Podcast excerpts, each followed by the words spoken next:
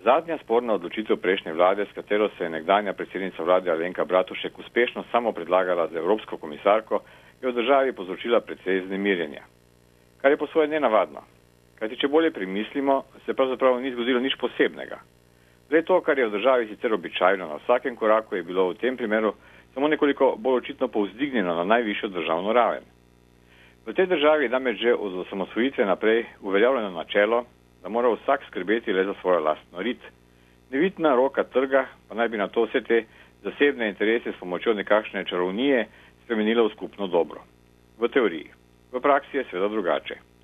In tako so potrošniki vsak dan v lovu z zavrljivimi popusti in ugodnostmi, direktori si polnijo žepe z izčrpavanjem vlastnih podjetij, delavce zanimajo zgolj njihove plače, politiki menjavajo stranke kot spodnje perilo, novinari pridno pišejo tako, kot si želijo njihovi uredniki, oni pa tako, kot si želijo lastniki, bankiri si spračujejo visoke odpravnine in sejnine, vsi skupaj pa čakajo, da boste v državi začela teči med in mleko.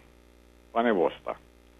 V takšni družbeni klimi je seveda običajno, da je tudi nekdanja predsednica vlade izkoristila ugodno priložnost nakupa donosne mednarodne funkcije in na svojem visokem mestu najprej zelo dobro poskrbela predvsem za lastno rit. In se razume hkrati tudi za rit svojega najožjega, najbližjega in najtesnejšega sodelavca, ki iz dneva v dan pomaga vzdržati v napornem življenjskem ritmu. Da je vsak sam sebi najbližji in da je Bog najprej sam sebi ustvaril brado, je spoznanje utemeljeno na tisočletnih izkušnjah nepredvidljive človeške zgodovine. Vendar pa je med Alenko in med ostalimi, ki se samo zadovoljujejo na podoben način, pomembna razlika. Alenka bo namreč prišla v anale slovenske politike zato, ker je za lastno rit dobro poskrbela na formalno najvišjem položaju v državi in pred očmi celotne slovenske javnosti. Pri tem pa se je ne samo spretno izognila pravilom in običajem, ki bi pri njenem pregrešnem samozadovoljevanju lahko škodili, pač pa je odločitev o lastni kandidaturi zgradila tudi na očitno nezakoniti podlagi. Poslovnik vlade, ki je omogočil, da je manjšina v vladi potrdila njeno kandidaturo za položaj komisarke, je namreč, kot je to lepo pojasnil dr. Rajko Pirnat, v očitnem nasprotju z zakonom o vladi. Določilo poslovnika je tudi drugače v posmeh demokratičnim načelom, predvsem načelu večinskega odločanja. Tudi to, da je vlada dolgo leta odločala v skladu s spornim poslovnikom, temu nezakonitemu dejanju ne more odzeti pridiha nezakonitosti kar je postavljeno na nezakonito podlago, tega ni mogoče s čarobno palčko kar preko noči spremeniti v nekaj zakonitega. In zato ima tudi sedanja vlada in še bolj Evropska komisija resen problem. Tudi Miro Cerar je namreč posem po nepotrebnem, saj s to zgodbo ni imel ničesar. Predsedniku komisije Junkerju na primer izjavil, da je seznam s kandidati za komisarje, ki ga je dobil iz Slovenije, veljaven. Čeprav je bil seznam vlade očitno sprejet na podlagi sporne prakse in nezakonitega poslovnika. In zato smo v tem trenutku samo še korak od položaja, ko bo članica Evropske komisije, ki je varuh zakonitosti v celotni EU, postala tudi nekdanja predsednica vlade, ki se je samo predlagala v nasprotju z veljavno slovensko protikorupcijsko zakonodajo ter v nasprotju z zakonom o vladi.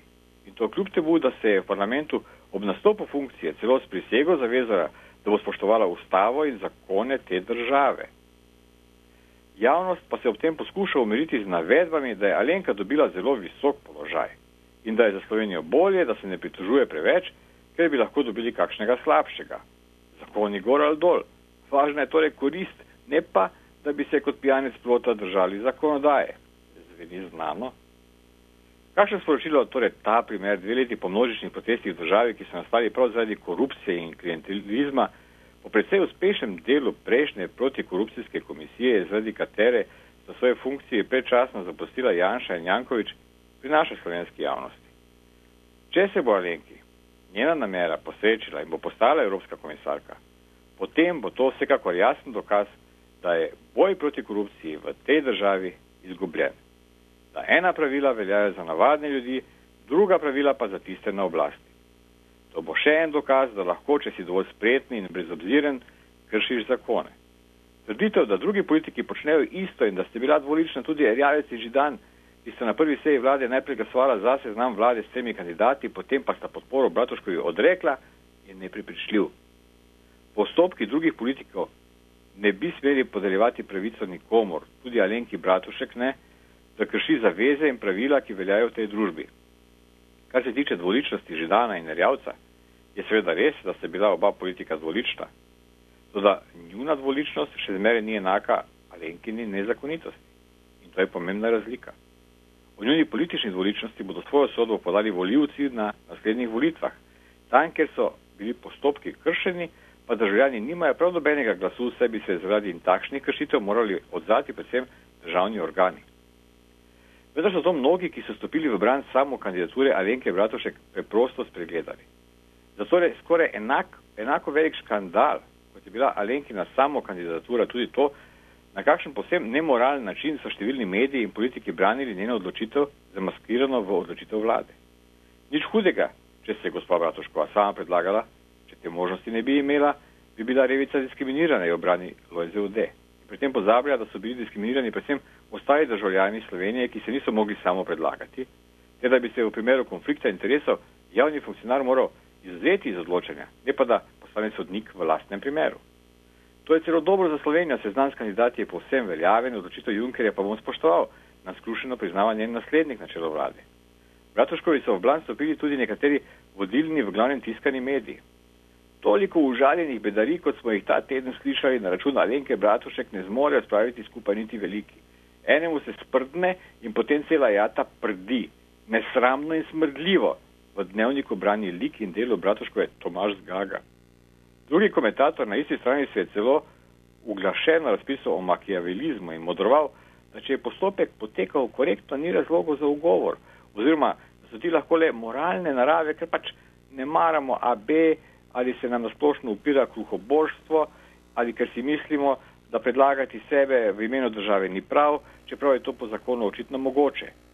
In prav zato naj bi bila Alenka Bratošek kljub zavoženi vladi videti celo kot spretnejša političarka od vseh moških na čelo te vlade, ki so, poskusi, ki so jo poskusili onemogočiti.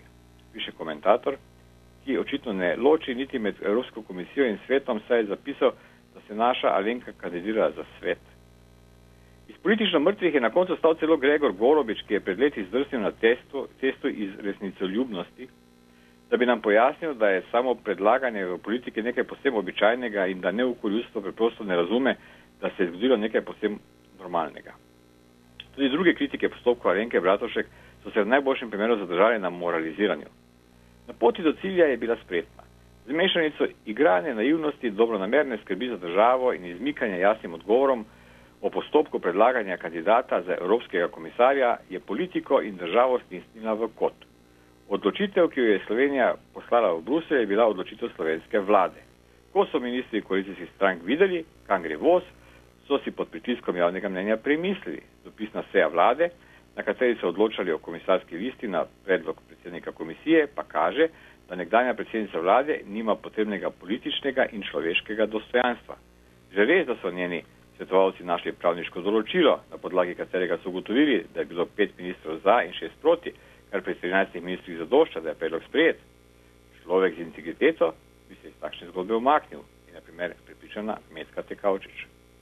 Toda ne gre samo za integriteto, izmikanje jasnim odgovorom in konfliktu interesov. Ni vse eno, ali se sam predlaga politik, poslanec v parlamentu in na to sam glasuje za svojo vlado, kar pač določa nesporno zakon o vladi, ali pa se sam predlagaš za funkcijo v mednarodni organizaciji v vlogi predsednika vlade, torej kot javni funkcionar na najpomembnejši javni funkciji v državi.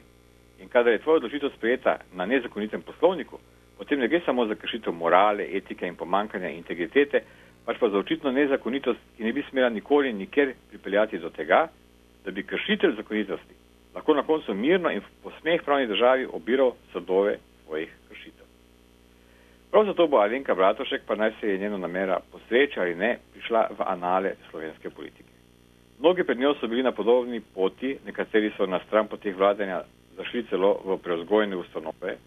To da le Alenka Bratošek je za lastno rit in lastno samozadovoljstvo poskrbela tako očitno in vsem nam na očeh. Zato je to tisto, po čemer si jo bomo kot predstavnico vlade najbolj zapomnili. Te besede sicer zapisujem s krvavečim srcem in strpkostjo, kajti gospa mi je bila kot prva ženska na tem položaju in tudi zaradi svojih nazorov v času, ko je začela svojim mandatom, vsekakor všeč. Vendar je mandat žal zaključila z nerodnim spodrsljajem, s katerim se je pred vso slovensko javnostjo razgalila v zelo sramotni pozi. S svojo zadnjo potezo nam je vsem dala živ primer makijavelizma v slovenski politični praksi. Dokazala je, da je v slovenski politiki še vedno zelo živa ideja, da cilj pač posvečuje sredstva. Ali kot je nekoč zapisal Machiavelli, naj torej vladar zmaguje in vzdržuje državo. Njegove postopke bodo imeli za vredne in vsakdo jih bo poveličeval, zakaj množice vedno navdušuje površinski zgled stvari in izid podjetja. In očitno je, da Alenka prav na to računa še naprej.